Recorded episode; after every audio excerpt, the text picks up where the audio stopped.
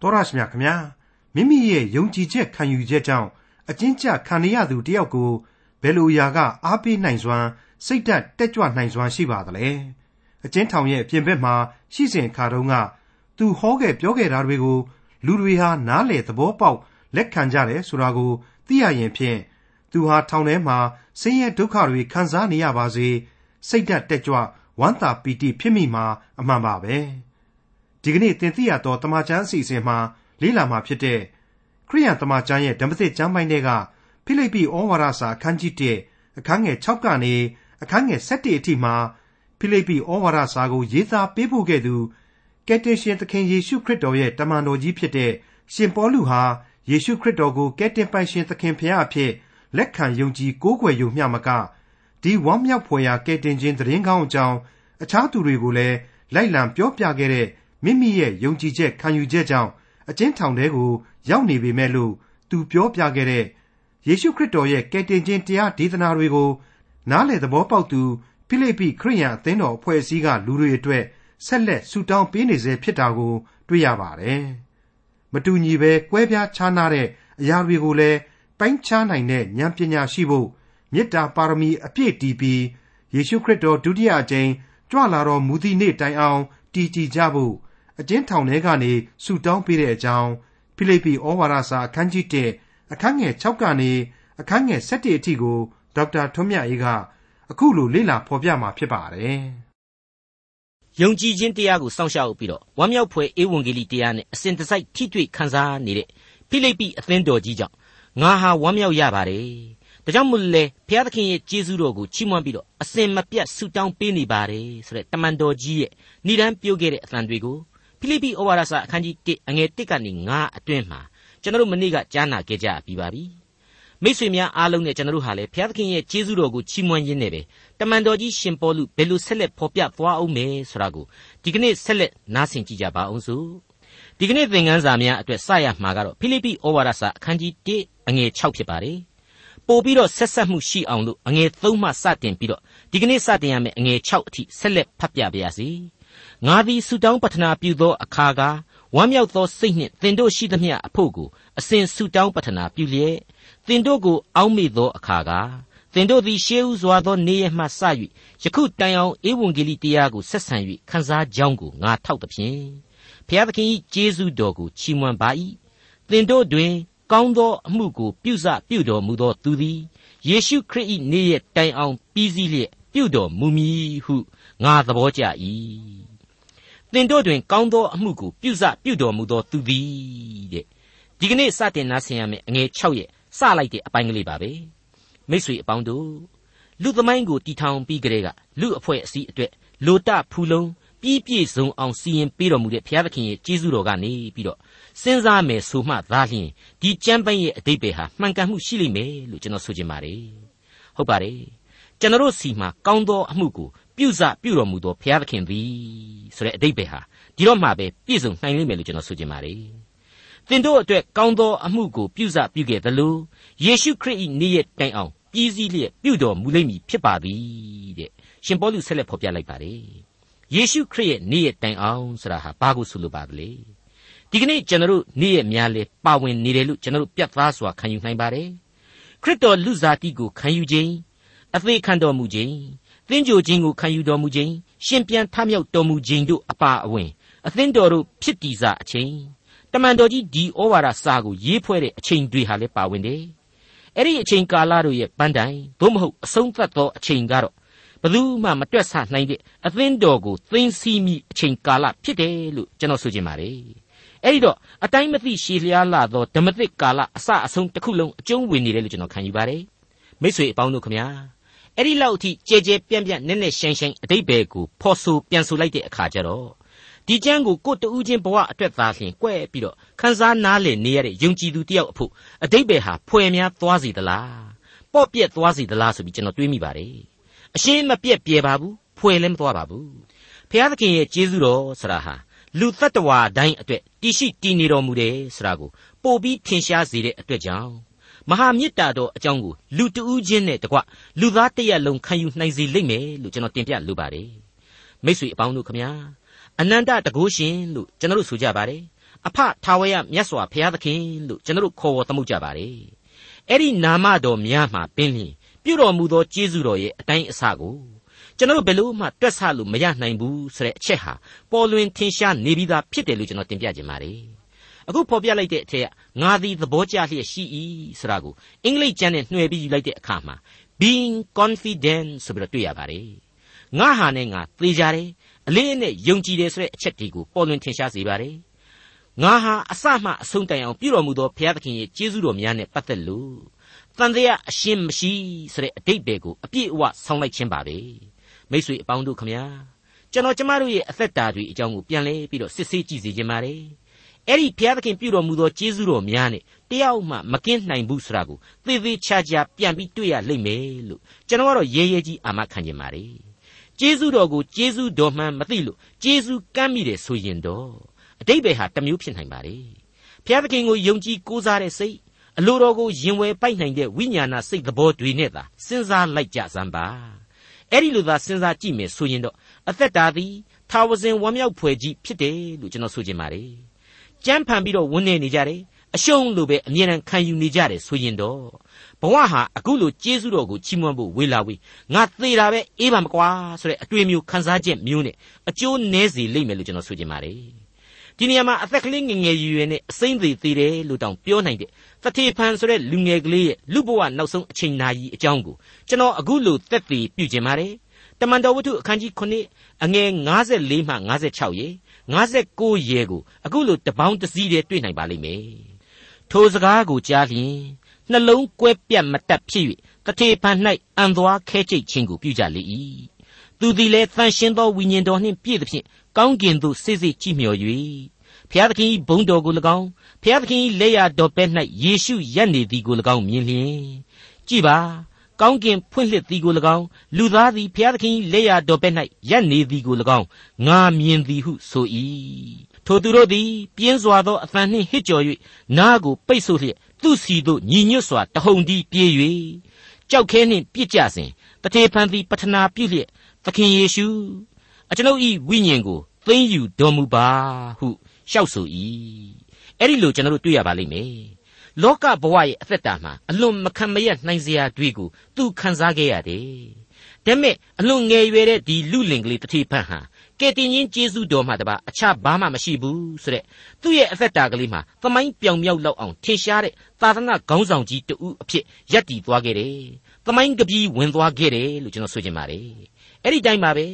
အသက်တာသက်တမ်းအဖြစ်တော့ရှိလေရတယ်။ ဒါပေမဲ့အသက်တာရဲ့သုံးပုံနှစ်ပုံမှာဘုရားသခင်ရဲ့အမိန့်တော်အတိုင်းသာရှင်သန်သွားခဲ့လေသူမောရှေဆိုတဲ့လူကြီးအကြောင်းဟာလေဘယ်နည်းနဲ့မှမေ့နိုင်ပွဲမရှိပါဘူး။လောကအလုတ်တာဝန်တွေကိုထမ်းဆောင်ရတာမောပန်းခဲ့တဲ့ဒီလူကြီးဟာ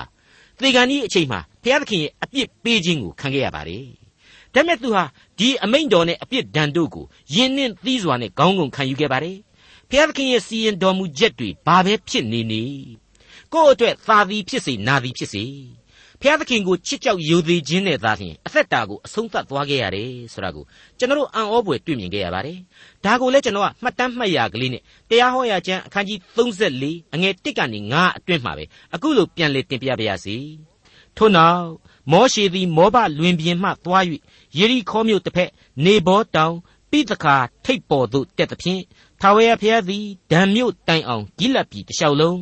နတ်သလိပြည်တစ်လျှောက်လုံး အေဖရိမ်ပြည်မနာရှေပြည်နှင့်တကွအဝေးဆုံးသောပင်လယ်တိုင်အောင်ယူဒပြည်တစ်လျှောက်လုံးတောင်ပြည်နှင့်တကွဇောရမြို့တိုင်အောင်စွန်ပလွန်မြို့ဒီဟုသောယေရီခေါမြို့တည်သောကြိုက်နှင့်လွင်ပြင်တို့ကိုပြတော်မူ၏ထာဝရဘုရားကလည်းငါသည်အာဗြဟံဣဇက်ယာကုပ်တို့အားကျိန်ဆို၍သင်၏အမျိုးအနွယ်အားငါပေးမည်ဟုဂရိထားသောပြည်ကိုကြည်လော့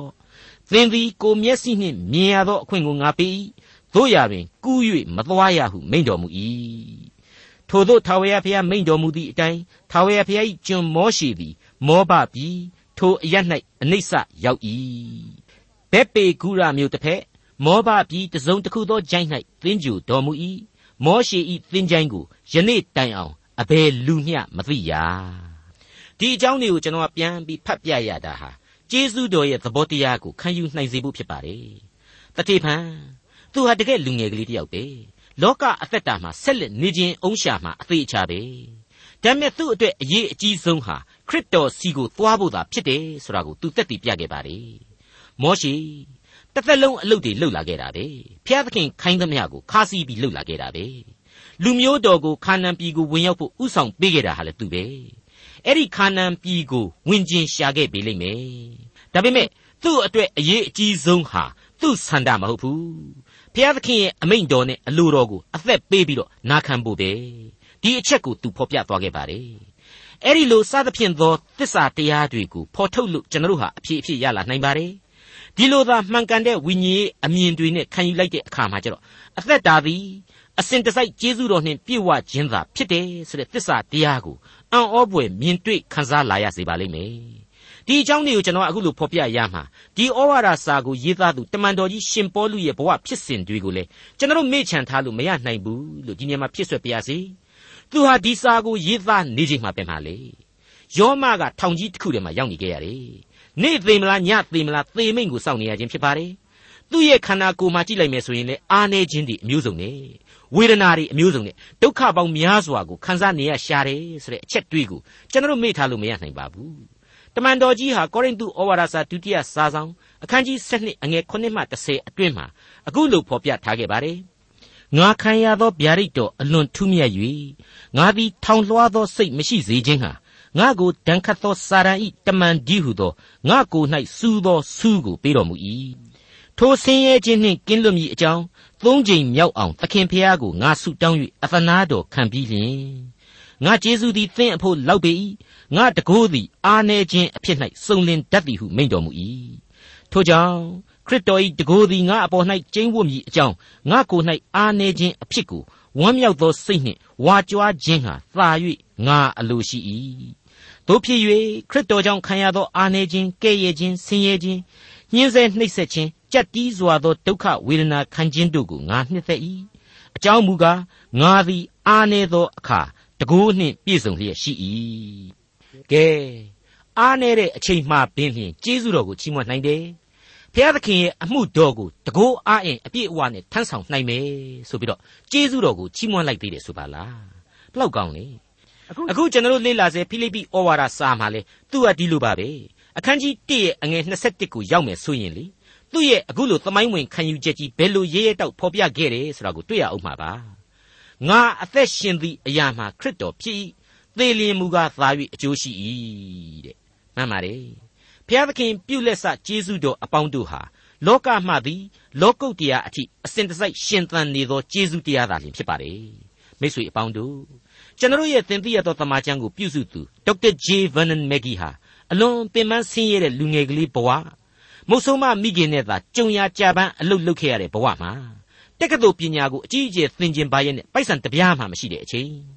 အဲ့ဒီကာလမှာအမေရိကန်နိုင်ငံမှာကလည်းအထွေထွေစီးပွားရေးပြတ်သုံးမှုကြီးနဲ့ကြုံဆုံနေရတဲ့ကာလဖြစ်တဲ့အတွက်ကြောင့်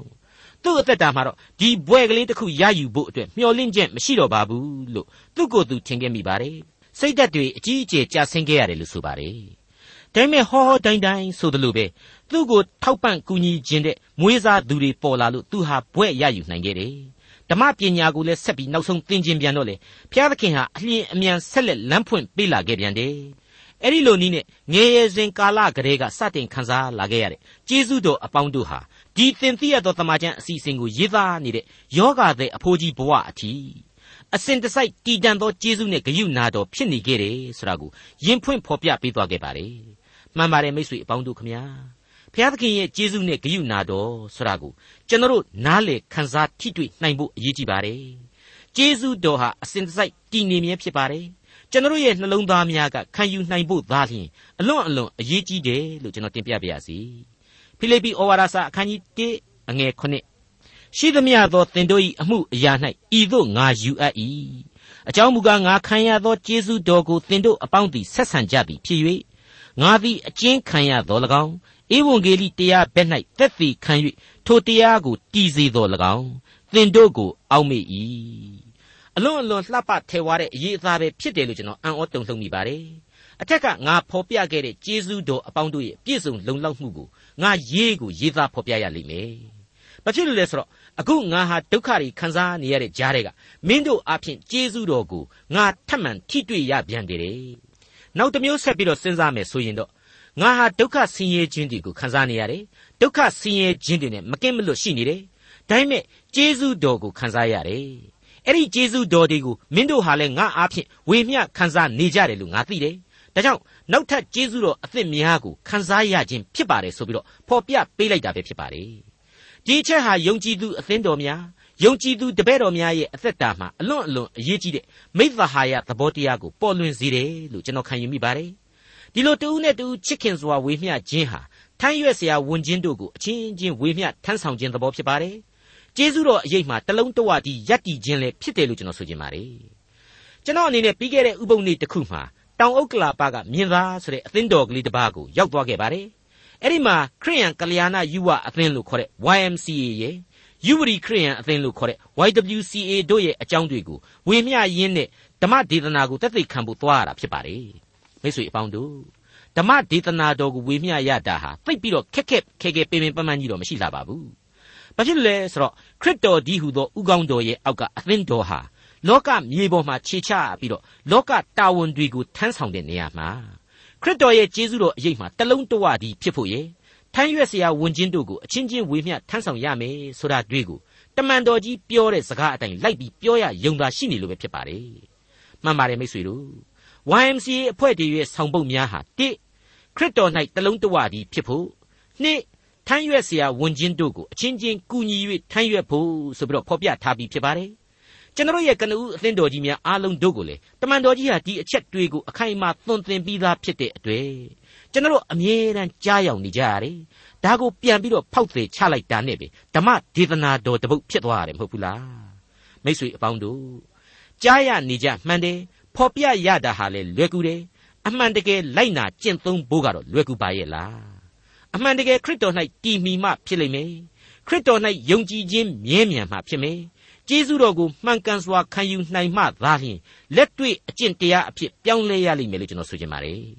ဒါနဲ့ပတ်သက်ပြီးတော့ခရစ်တော်ကိုယ်တိုင်ဟာစပြစ်ပင်ကလေးတစ်ပင်ရဲ့ဥပမာကိုယူဆောင်ပြီးတော့အခုလိုဆုံးမပေးခဲ့သေးတယ်ဆိုတာကိုသတိရဖို့လိုပါလိမ့်မယ်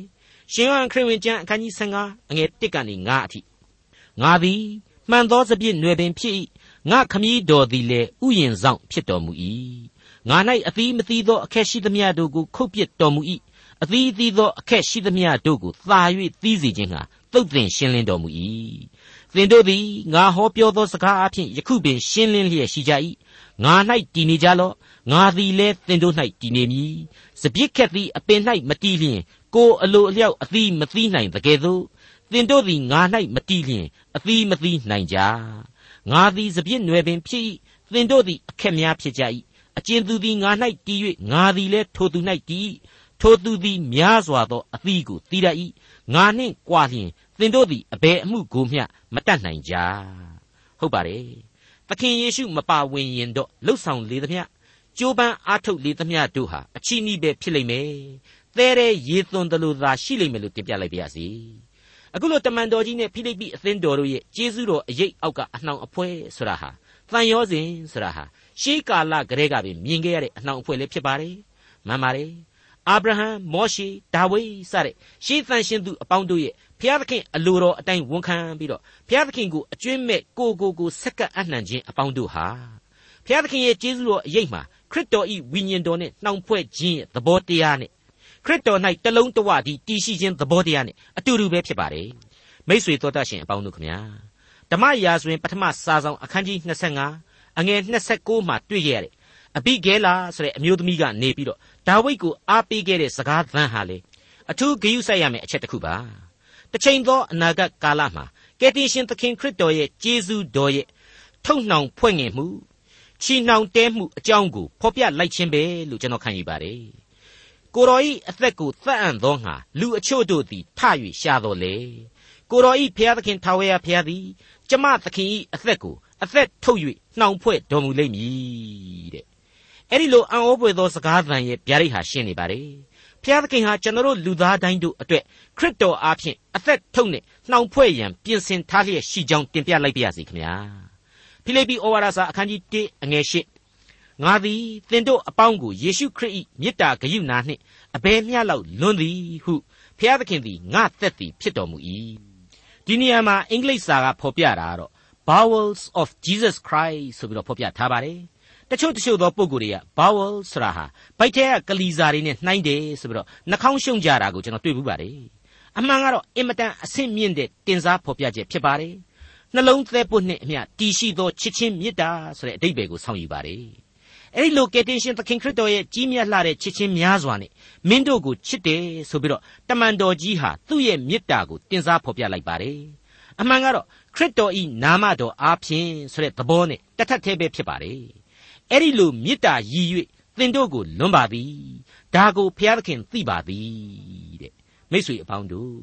စောစောပိုင်းတုန်းကငါသဘောကျပါတယ်သို့မဟုတ်ငါဟာငါယုံကြည်မှုအပြည့်အဝရှိပါတယ်ဆိုတဲ့ confidence ဆိုတဲ့စကားကိုသုံးခဲ့သေးတဲ့တမန်တော်ကြီးဟာ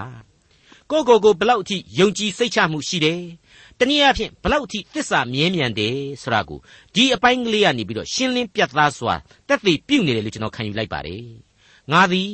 သင်တို့အပေါင်းကိုယေရှုခရစ်၏မေတ္တာဂရုဏာနှင့်အဘယ်မျှလောက်လွန်းသည်ဟုဖျားသခင်သည်ငါသက်သည်ဖြစ်တော်မူ၏သူဟာနှုတ်ကပတ်တော်ကိုကင်ပြီးတော့ကြမ်းချင်းယာရုကြီးကိုလက်ခံပြီးတော့မှမဟုတ်တန်းတရားလုပ်တဲ့လူစားမျိုးမဟုတ်ဘူးယင်နှင့်အမျှဖွင့်၍ပြသောမေတ္တာသဘောလို့ကျွန်တော်ဆိုချင်ပါတယ် ဒါကြောင့်မလို့လေဖိလိပ္ပိအသင်းတော်နဲ့တမန်တော်ကြီးရဲ့ကြားကချစ်ချင်းမေတ္တာတရားဟာအမခန်းလိလိကြီးမားခဲ့တယ်အဲ့ဒီချစ်ချင်းမေတ္တာရဲ့သဘောဟာလေခရစ်တော်၌သာအခြေခံထားတယ်ဒီချစ်ချင်းမေတ္တာအနှောင်အဖွဲ့ဟာခရစ်တော်အားဖြင့်သေခြင်းကိုပင်လွတ်မြောက်စေတဲ့တိုင်အောင်အသက်လမ်းရဲ့အနှောင်အဖွဲ့ဖြစ်ခဲ့လိမ့်မယ်လို့ကျွန်တော်လေးစားစွာတင်ပြလိုက်ပါတယ်မိတ်ဆွေအပေါင်းတို့အခုချိန်မှာတော့ဖိလိပ္ပိဩဝါဒစာအခန်းကြီး1အငယ်6မှ7ကိုဆက်လက်ပြီးတော့ကျွန်တော်ဖတ်ရှုတင်ပြခြင်းပါတယ်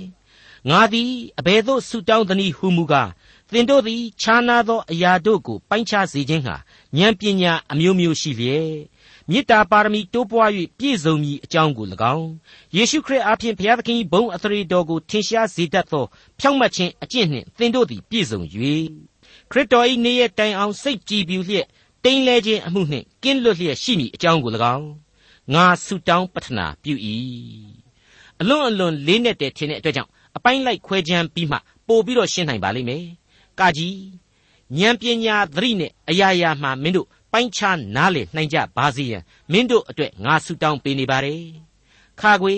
မေတ္တာပါရမီတိုးပွားပြည့်စုံစေရအတွက်လည်းဆုတောင်းပေးနေပါတယ်။ကငယ်ဖျားသခင်ဘုန်းတော်ကိုထင်ရှားစေဖို့ဖြောက်မှတ်ခြင်းပါရမီနဲ့ပြည့်စုံစေရအတွက်လေငါဟာအစဉ်တစိုက်ဆုတောင်းပေးနေပါတယ်ဆိုတဲ့ဆုတောင်းခြင်းအပိုင်းကြီး၃မျိုးပဲဖြစ်ပါတယ် တတိယမြောက်ဖော်ပြပေးလိုက်တဲ့ဖြောက်မှတ်ခြင်းပါရမီရှိပြီဆိုရင်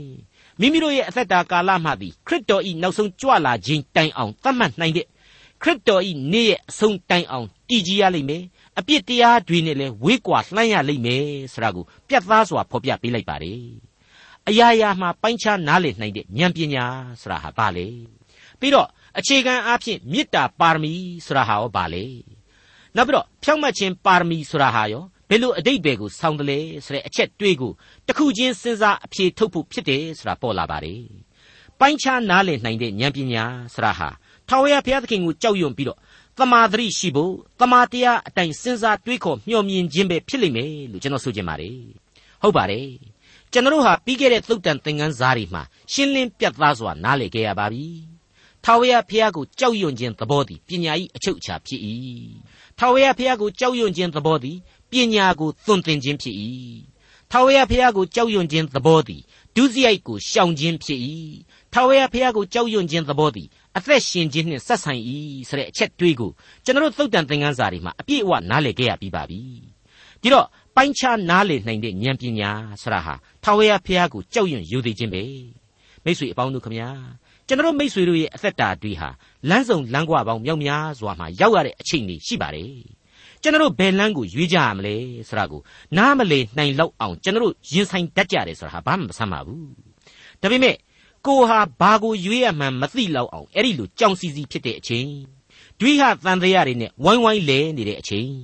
အဖဖျားသခင်ကိုယုံကြည်ခြင်းအပြင်သားလျှင်ကြော်ဖြတ်ရမယ်ဆိုတာကိုသိစေချင်ပါတယ်မေတ္တာပါရမီဆိုတာဟာလေအလေးနဲ့စဉ်းစားအပ်တဲ့အရာဖြစ်ပါတယ် ချစ်တယ်ချစ်တယ်နဲ့ချစ်ရမရောက်ဖဲနှစ်ရာကိုရောက်သွားတယ်ဆိုတဲ့စကားကိုကျွန်တော်အကြိမ်ကြိမ်ကြားဘူးကြပါတယ်ဒါအချစ်နဲ့မျက်စိစုံလုံးကန်းခြင်းဆိုတဲ့သဘောမျိုးဖြစ်ပါတယ်နှုတ်ကပတ်တော်ကိုတည်တည်ချာဖတ်မယ်ဆိုရင်တော့မိမိရဲ့ရန်သူကိုပင်ကျွန်တော်တို့ဟာချစ်ရမယ်ပါးတစ်ဖက်ကိုရိုက်ရင်ကြံပါးတစ်ဖက်ကိုတောင်လှည့်ပြီးပေးရမယ်ဆိုတဲ့အချက်တွေးကိုတွေ့ရတဲ့အပိုင်းရှိပါတယ်တောင်းဆုံအောင်ဖော်ပြထားတဲ့နှုတ်ကပတ်တော်အတွင်းကခရစ်တော်ကိုယ်တော်တိုင်ရှိစီလိုတဲ့မေတ္တာတရားရဲ့သဘောထားဖြစ်ပါတယ်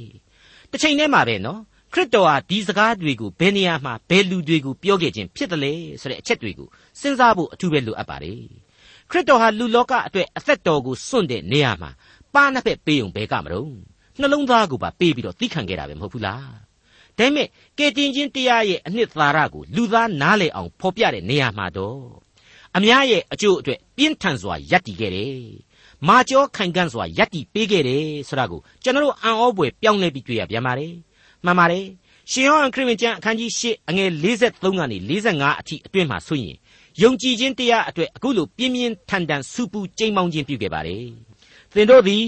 သင်တို့၏အဖဒီဟုသောမာနမှဆင်းသက်ကြ၏သင်တို့၏အဖ၏အလိုသို့လည်းလိုက်တတ်ကြ၏အဲ့ဒီအတိုင်းပါပဲတခါရှင်မသက်ခရစ်ဝင်ကျမ်းအခန်းကြီး23အငယ်29ကနေ33အတွင်းမှာအကျယ်တွင်ပြန်ပြီးတော့ကြည့်လိုက်မယ်ဆိုရင် လျှို့ဝှက်သောကြမ်းပြုเสียပါရိရှဲတို့သင်တို့သည်အမင်္ဂလာရှိကြ၏အကြောင်းမူကားပရောဖက်မှစ၍ဖြောက်မတ်သောသူတို့၏သင်ချိုင်းတွင်နှင့်အယိုးအိုးတို့ကိုတီးလုပ်၍တစားဆင်သဖြင့်အဲ့ဒီလိုကြိမ်မောင်းခဲ့ခြင်းဖြစ်ပါတယ်ပြီးတဲ့နောက်မှာတော့မွေဆိုးအမျိုးတို့သင်တို့သည်အပြစ်ငရဲမှအဘယ်သို့လွတ်နိုင်ကြမည်နည်းတဲ့ပြင်းပြင်းထန်ထန်ဝေဖန်တန်တွေပါပဲဒီတော့အလျှော့ပေးအနာခံခြင်းသည်အခြေခံအားဖြင့်မေတ္တာတရားဖြစ်တယ်လို့ ပြင်းထန်စွာတုံ့ပြန်ခြင်းသည်လေမေတ္တာရဲ့သဘောဘောမှသာမူတည်ခြင်းဖြစ်တယ်သူနေရာနဲ့သူဒီသစ္စာတရားတွေဟာအကုန်လုံးသက်ဝင်လှုပ်ရှားနေတယ်လို့ကျွန်တော်တင်ပြလိုက်ပါရစေ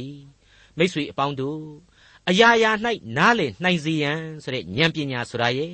မေတ္တာပါရမီနဲ့သက်ဆိုင်လို့ခြားနာပိုင်းဖြတ်နိုင်ဖို့အတွက်ရဲကိုကျွန်တော်ရှင်းလင်းဖော်ပြပေးလျက်ရှိနေပါတယ်။နောက်တနေ့အစီအစဉ်မှာဘာတွေကိုဆက်လက်ကြားရအောင်မယ်ဆိုတာကိုစောင့်စားနားဆွင့်ကြဖို့ရန်မေတ္တာရက်ခံရင်းနဲ့ ဒီကနေ့ရန်နာလိုက်ပါရစေ။ဒေါက်တာထွန်းမြတ်ရေးစီစဉ်တင်ဆက်တဲ့တင်ပြတော်တမချန်းအစီအစဉ်ဖြစ်ပါတယ်။နောက်တစ်ချိန်အစီအစဉ်မှာခရိယန်တမချန်းရဲ့ဓမ္မသစ်ကျမ်းပိုင်းတွေကဖိလိပ္ပိဩဝါဒစာအခန်းကြီး1အခန်းငယ်7ကနေအခန်းငယ်၁၈အထိကိုလေ့လာမှာဖြစ်တဲ့အတွက်စောင့်မျှော်နားဆင်နိုင်ပါတယ်။